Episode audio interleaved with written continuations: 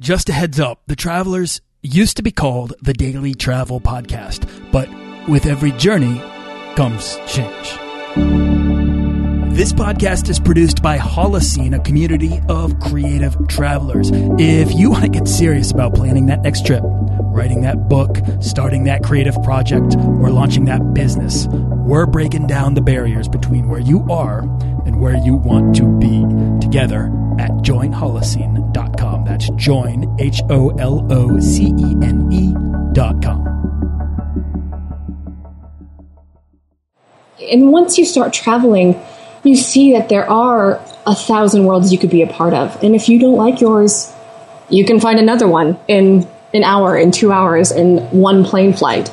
And all of a sudden, if anything's a big deal, like who I was becoming, that could that, I could saw that that could change, and that's so it's so relieving to know that. I don't know how people live without it. You know.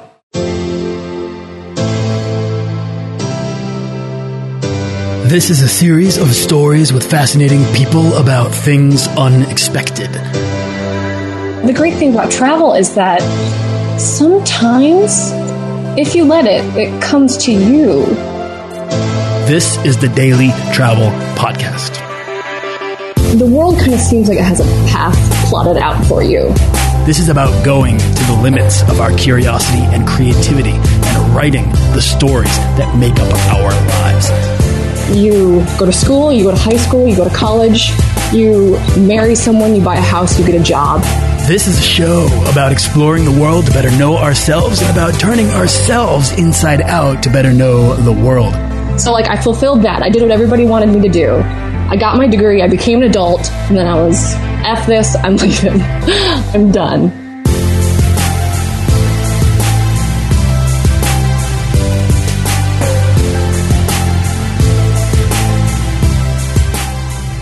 Jacqueline Keough is a travel writer and the author behind thestrangeandnew.com, a name taken from a poem that ends with a couplet, which I'm I've grabbed from her website here. Uh, they're always tired of the things that are, and they want the strange and new.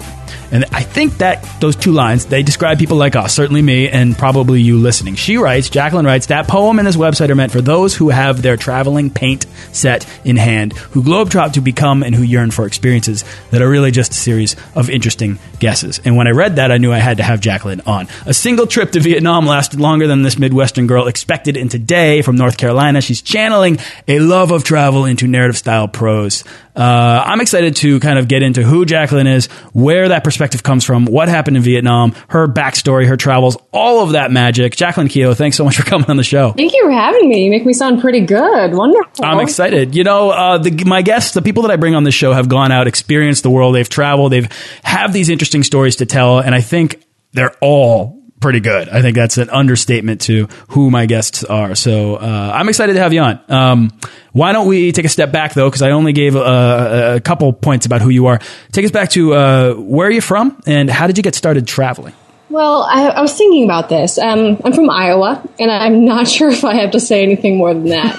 really, um, gosh, I think it was 18 years, maybe 19, before I saw an ocean.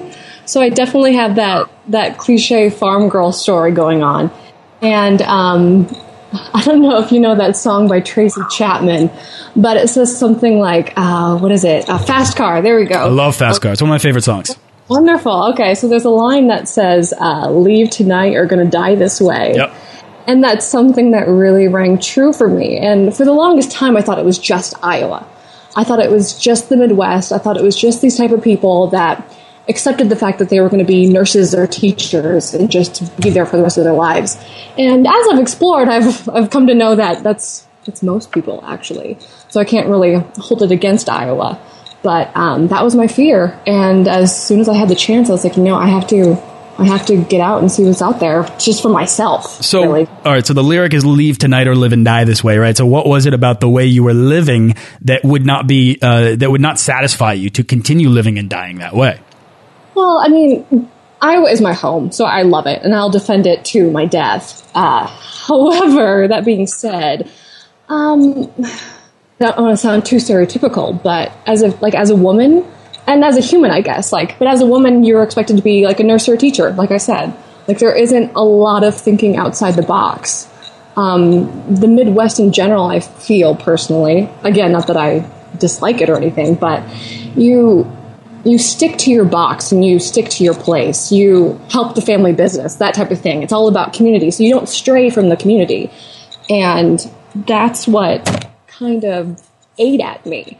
I didn't want to be a nurse. I didn't want to be a teacher. I didn't want to live my life in the same county for the rest of my life. Like, actually, most Americans do. I was actually just reading this. It's like 57% or something never move out of their home state, much less, much less America, but they never leave the home state. And that's just, it's jarring to me. It's crazy. So, who gave you this perspective? Where did this come from? Because I'm guessing uh, this wasn't rooted in your your own original thinking. If you're living within what you clearly define to be some degree of a bubble, uh, where did this uh, call to adventure first come from? Well, I just think it's because a kind of want what you can't have type of thing. I, I, I think that's as simple as it is. Um, and just like even taking a trip to Des Moines, of all places, was huge. And if Des Moines was exciting, how exciting would Minneapolis be? Chicago, San Francisco, New York, Ho Chi Minh City. Like the world just gets bigger and bigger, bigger, and it doesn't stop. And that's that's where the excitement came in. Were you bored? God, yeah, are you kidding?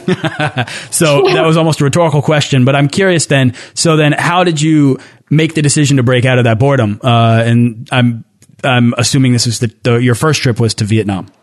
Right, right. So straight out of college, it was Vietnam, um, and I suppose maybe in hindsight, I did my, save, myself a favor for getting a completely useless degree.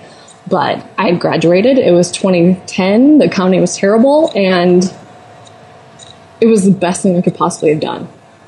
Like for my future, for myself, for my spirit, it it was incredible, and I would recommend it to anyone. So why Vietnam? And also, what took so long to decide to actually go? You know what I mean? You could have studied abroad. You could have taken a gap year. Well, maybe gap years don't really exist to people growing up in small town Iowa. But um, why why did you wait to graduate school in order to go? Um, that was. Well, I'm sure you know when I say like the world kind of seems like it has a path plotted out for you. Just at least from from my perspective maybe yours is different and please do tell. But you go to school you go to high school you go to college you marry someone you buy a house you get a job. Maybe you get divorced you knock out a couple kids and that's it. That's my experience of what i've been told at least. Mm-hmm. And i felt like it wasn't my choice until after college so like i fulfilled that i did what everybody wanted me to do I got my degree, I became an adult, and then I was, F this, I'm leaving. I'm done. So, th- does that make sense? It Do you- does did- make sense. I'm wondering what you were faced with, like the decision to actually buy the ticket, right? Like the world that you're painting to me is this world in which nobody does this, right? So you are all of a sudden saying, uh, as this sort of divergent being, what is it about you that changed, you know, that, that, that convinced you to buy? There was nothing for me. I was a bartender in Iowa. You know? Yeah. Like, does it anything more than that? Like, sometimes you need to hit rock bottom to, not that that was rock bottom, but you, you, you see what I mean. Yeah. Yeah, Um, and you felt you felt as if you you were absent direction and you needed to change things up so much so to try to find that thing that could provide that could inform you of what would actually provide substance in your life. Right, and I never would have picked Vietnam if on my own, but an opportunity came, and you have to say yes to opportunities. You cannot say no, especially to things like that. Okay, so what was the opportunity? Um, I had an acquaintance there who loved it, and um, for some reason, it almost seems like it was meant to be or something. But we started exchanging emails, and it was it sounded hypnotizing. Something that I had to get my hands on. Um, so I was like, you know what? If if he can do it, I can do it. Right. And I went. Who is this person? Um, it was a person I had met through through theater, actually, in in Iowa. Okay, so, theater. So that's interesting. So how long had you had you been kind of doing theater? um, my whole life, pretty much. That actually helped, believe it or not, for for everything. The, I'm sorry to interrupt you, but I, I'm I get a little excited when I when I see things, at least in your past, that I can pull out. Uh, the role of theater is to allow you an opportunity to step into someone else's shoes and sort of inhabit a different being, explore that physicality, right? And then, and then present that. Also, it shines a light on you, you know, and it gives you this sense of sort of self worth and, um, confidence, right? And these things come together. So if those, if those sort of unrealities don't exist in, in normal everyday life, you got to go searching for that sort of feeling. Um, and travel allows you to sort of in uh, to to cast yourself in the in whatever role and define whoever it is that you want to be out there. Uh, does any of this connect for you? Exactly, you get it. I get like it. I need to explain the parallels for you. I have 10 years of theatrical training and I oh. went to film school and I'm a film director and I love a possibly above all things, uh, working with actors. I absolutely love helping people inhabit roles and become these other people. That's why I think I see the same sort of thing uh, happening in travel is that I think it allows you to explore all of the different roles that are waiting for you out there to play. Exactly. There are so many lives you could be living at any given point. And that's exactly what theater is, only on a stage, right? Yeah. So, who was the person then that you found in Vietnam? You know, it's hard for me to answer because I took her a little too far. Um, in in retrospect, I'm not I'm not super fond of who she became at the time, mm-hmm. um, but the end result is something that I, I have to say I'm very proud of. Um, if I have to be a little more specific, because I, I, assume that's pretty vague. I am not going to let you get off with that. Yeah. um, I just ah gosh, where to start? So, well, let me let me help you. Um, you mentioned that you aren't super fond of who she became. Who did she become, and why? I was aggressive. I was mean. I became too outspoken. So all of a sudden, this this woman I tried to be back home, soft, demure, all the things a female quote unquote should be. Um, I took her to the other end. Oh God, what are this like? One time, one time I was driving on my motorbike behind a taxi, and if you're any familiar with Vietnam at all, the traffic there is insane in, in Saigon. And if a light is green, you go. If the light is yellow, you go. And if a light is red, you have about six seconds still to go. so, light turns yellow, and I'm like, oh, great. I have a solid 15 seconds. I'm just, you know, pedal to the metal. And the taxi ahead of me slams on its brakes, and I just pancake into its backside. And I'm on the street just bleeding. My bike is in pieces. And the taxi driver comes out and starts yelling at me and tries to grab my keys and demanding money from me. Um, and I mean, for the record, I'm almost six foot tall. This is like a 50 year old man who's like a solid five three. So let's help a little. Like, let's, let's not ignore that. Um, but I just started like at the top of my lungs. I'm swearing.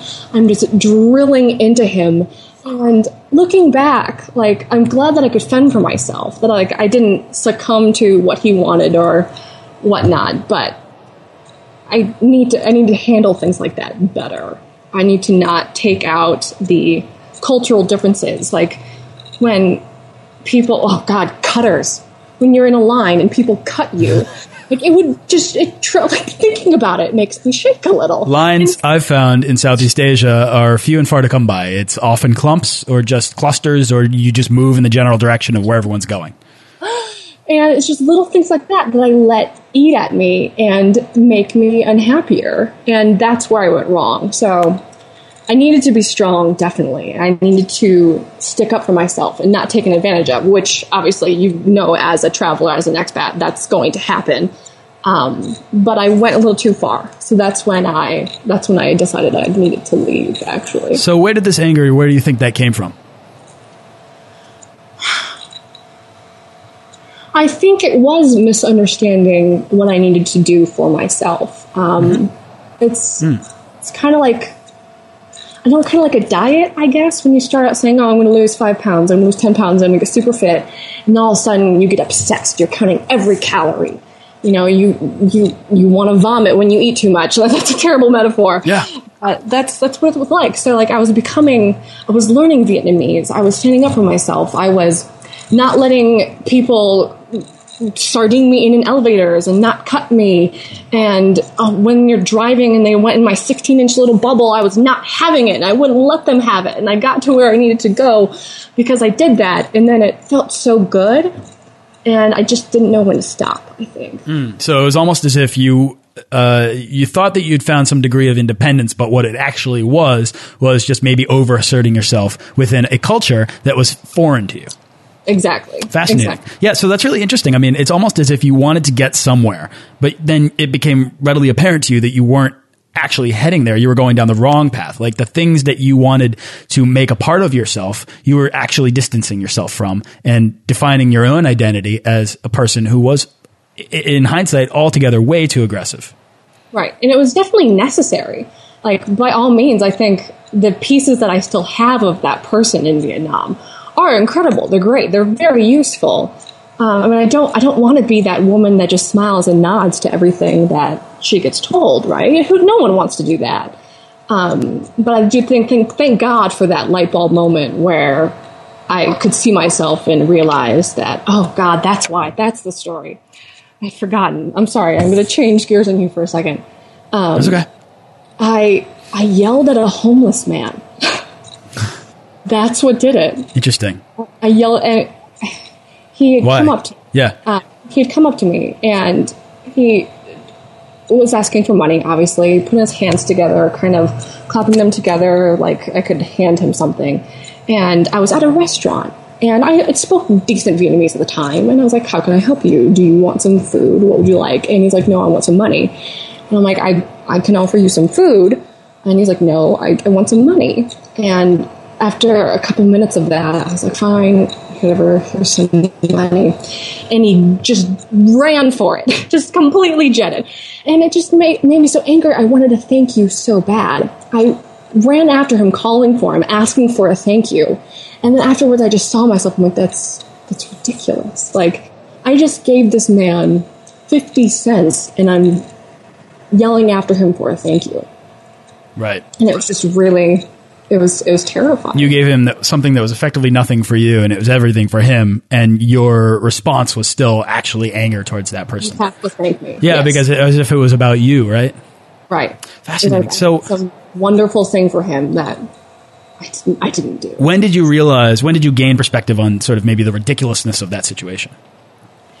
Um, I mean, it took a while. It took over two years for that to happen. Um, and again, like it does offer positives. I, I'm able to like ring her back in, um, and it was a learning experience for sure. But after two and a half years or so, that's when I think the differences in the culture and who I presented myself, and like you said, like you become a different person.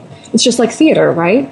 You become this different person, and you put on this hat, you put on this mask, and it takes a while for you to realize that, hey, maybe this isn't the best one that I should be wearing, or this isn't my best self, or this isn't who I technically should be in this moment right now. But you learn so much about yourself, even if what you do is you put on the wrong mask. Oh, yeah, exactly. It, it, all life's a trial and error, right? Yeah. Like, you have a rehearsal. That's what. That's the point of rehearsal. You figure it out, and that's and that's what it is. I love it's that. I mean, I mean, it's it's it's incredibly important. I always encourage my guests, and I come from a theater, theater background, so I always encourage my guests to give me everything that they've got. Like, tell me so much because, first of all, uh, it gives me more to explore, right? Like more freedom. Just like I want an actor on stage to make bold decisions, try everything, and we'll pick the one or two beautiful things to explore. Yeah. It doesn't matter if they're stupid or wrong or whatnot, but you have to just do it. Right. Right. And right. That's what travel is. It doesn't matter what comes out of it. Just get it done. I love do that. It. All right. So, Jacqueline, let me ask you then between being perhaps too passive at home and then too aggressive uh, on the road and this one particular experience in Vietnam, uh, were you able to find balance there in that trip, or is this something that you you sort of this transformative experience didn't sound particularly positive? And I'm wondering, at what point did you learn this lesson about yourself and then say if it wasn't for travel and and that experience that I wouldn't be I, I wouldn't have understood the sort of root of the problem from that you were trying to solve. You know I want to say it was a total light bulb moment. And I know some people don't think those exist but I really think they do. I think one day I just woke up and it was all clear that this is necessary and this is good and that this peels away the layers of of the onion, right? And it gets at to who you really are and who you can be and who you could be and who you should be and sometimes who you will or would be in a different situation. And I saw the value. I just needed to refine her.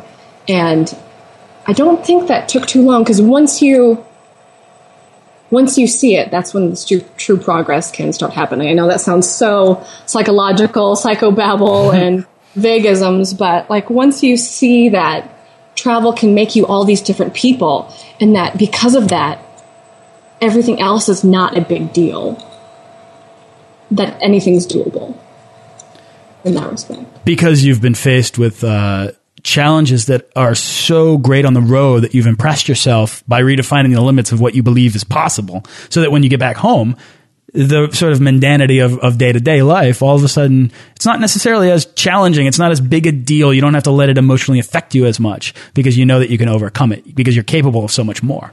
And once you start traveling you see that there are a thousand worlds you could be a part of and if you don't like yours you can find another one in an hour in two hours in one plane flight and all of a sudden if anything's a big deal like who i was becoming that could that, i could saw that that could change and that's so it's so relieving to know that.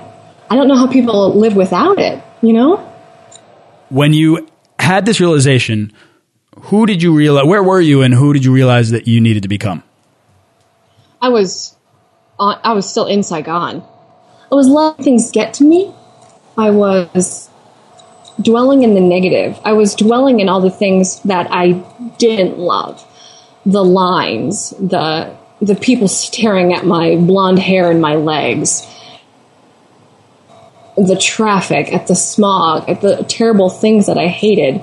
And I forgot about all the wonderful parts about travel and specifically Vietnam.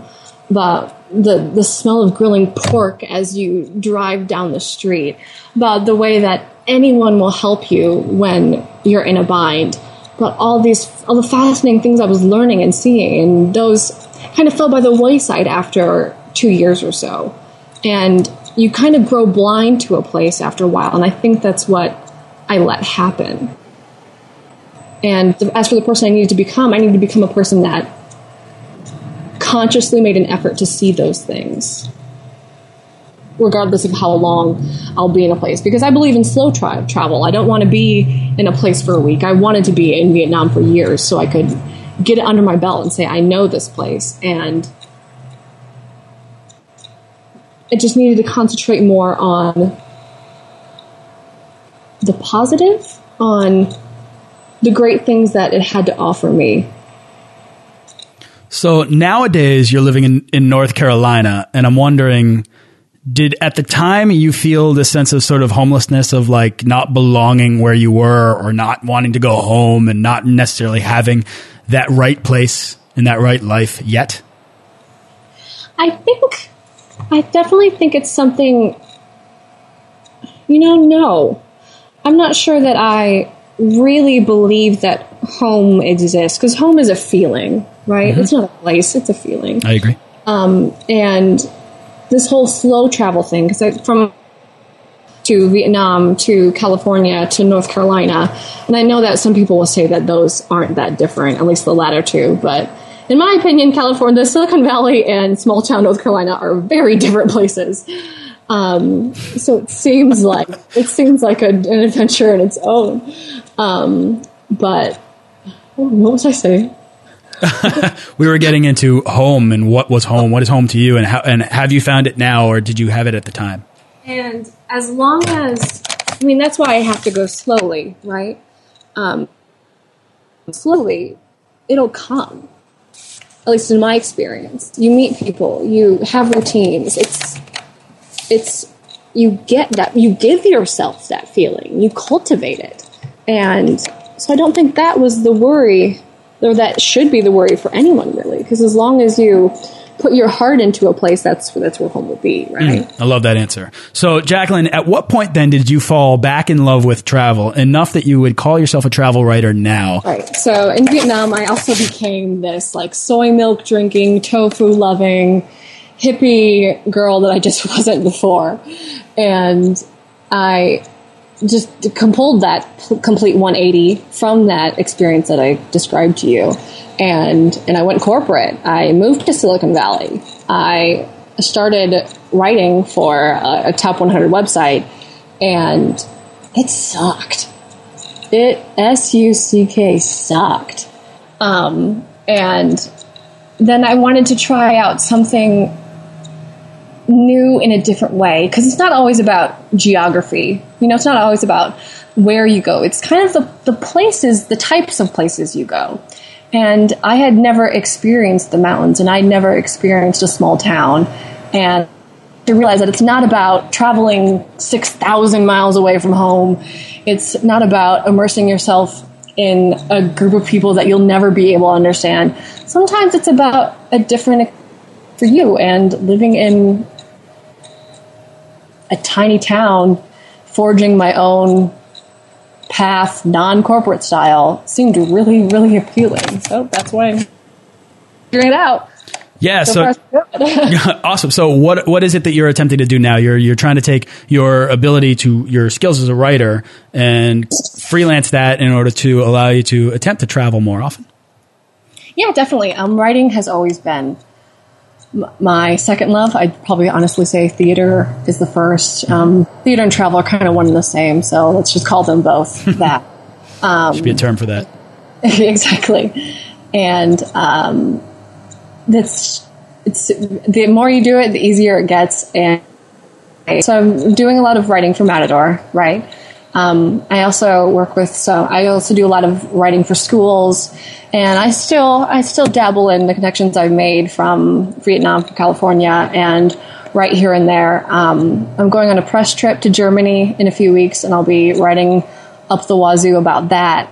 And it just every take out every opportunity you can, right? Like I said before, and write whatever you can, do whatever you can, go everywhere you can, and it's all a story. So there will always be things to write about, and that's that's it's, it's doable. I don't know why I'm doing it. Uh, yeah, uh, you're doing it. I'm sort of doing it also, although not as a travel writer. But Jacqueline, let me ask you, how long did it take for you to go from uh, departing from that job to starting your career to putting in the work to actually finding out that I mean, did you ever have this realization that people were paying you to travel, or that you were actually had uh, had open doors to new places because of the work that you've been doing?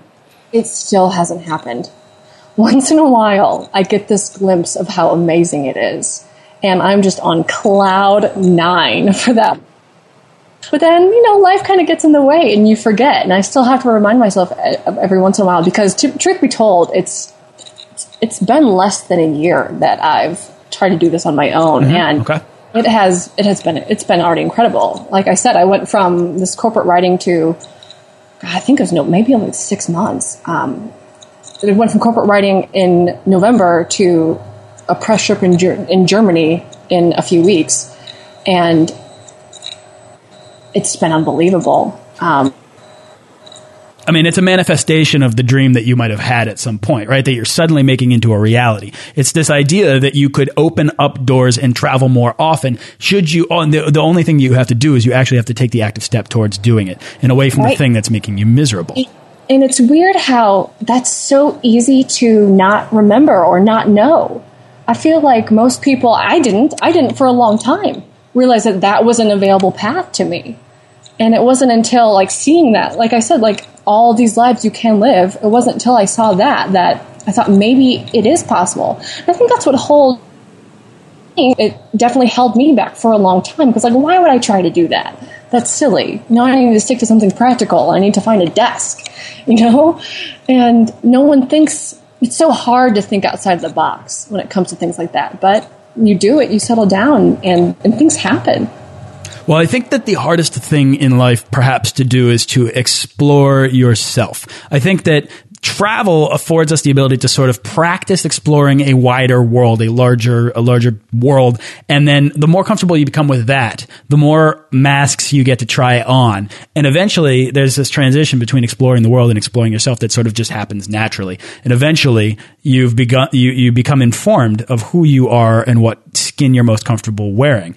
Um, for you, you're clearly still, it sounds to me like you're still out there exploring the many different Jacqueline Keoughs that exist.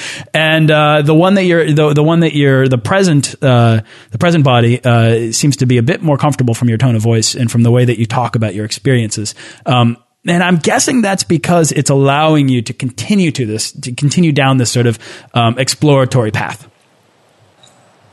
Definitely. And the great thing about travel is that sometimes, if you let it, it comes to you.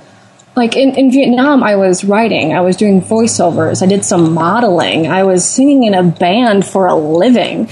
like things that I didn't even they kind of just seem to fall like different things will fall on your doorstep when you go different places and when you explore yourself and become different people. And then after after the years after all your experiences they kind of come together and form you into this new person who like you said has all these maps. And then all of a sudden you open your closet and you're like wow look at look at all these things i could wear today. And you pick one you pick your favorite and you go for it. And that's so much so much more gratifying than you know that one or two that you might have been stuck with if you never did it in the first place. Mm. As you said before, it was you were either a nurse or a teacher. Right, and right. those were the only masks that you were being offered back home. But you've since created so many a whole a whole wardrobe of different personalities that you, you can embody and habit, just like an actor. I mean, that to be perfectly honest, I, I completely understand where you're coming from on that. Um, Jacqueline, we're gonna have to wrap up, but let me ask you, um, what's exciting you the most right now? Where's your next trip, or what's your next project? Oh well, I mean, I've dropped it a couple times. Germany's what I'm heading up for. I got to brush up on that. Um, I'll be there for a couple weeks and writing about it all over the place. So hopefully you'll see something like that out there. And um, after that, we'll see. Love it. Right. Jacqueline, where can people go to find out more about you and this trip to Germany or anything that you've been talking about and writing about? Most of my writing will be on matadornetwork.com, um, but you can also find me on thestrangeandnew.com, which is both travel so travel prose. Um, I, to me, most travel blogs, travel websites, they kind of stay on the fluffy marketing side, and I like to get deeper into kind of like what you talk about. I like to get into the meaning of travel, how it changes you, what it turns you into, and the beauty of it. So Absolutely. I have so I write about that. Too. I love that. I mean, I think that uh, it can be esoteric, it can be convoluted, it can be complicated, but the fact of the matter is, I think that we owe it to ourselves to explore the sort of philosophical, emotional value of travel. Otherwise, we're squandering our opportunity to have this conversation. But so. I feel like is, is lacking out there. So I'm definitely trying to trying to bring that to the forefront. So. Jacqueline, thank you so much for coming on the show and being as honest as you've been. I mean, I think that this is a, a really interesting, rich, um, and real like real journey about just a person who's who who wanted out of where they're from and uh, uh, found uh, a world of possibility, both good and bad. And um, I think we're all kind of trying to find more balance in our lives. No matter how far we get, right? It's, it's the journey, and it never and it never ends. I love that, Jacqueline. Thank you again. Thank you so much, Nathaniel. This has been great. Thanks for listening to this episode of the Daily Travel Podcast. For show notes and links to everything in this episode and more, head on over to dailytravelpodcast.com. Join our Facebook page of explorers and subscribe to our newsletter for the best deals and resources to help make your next trip life changing.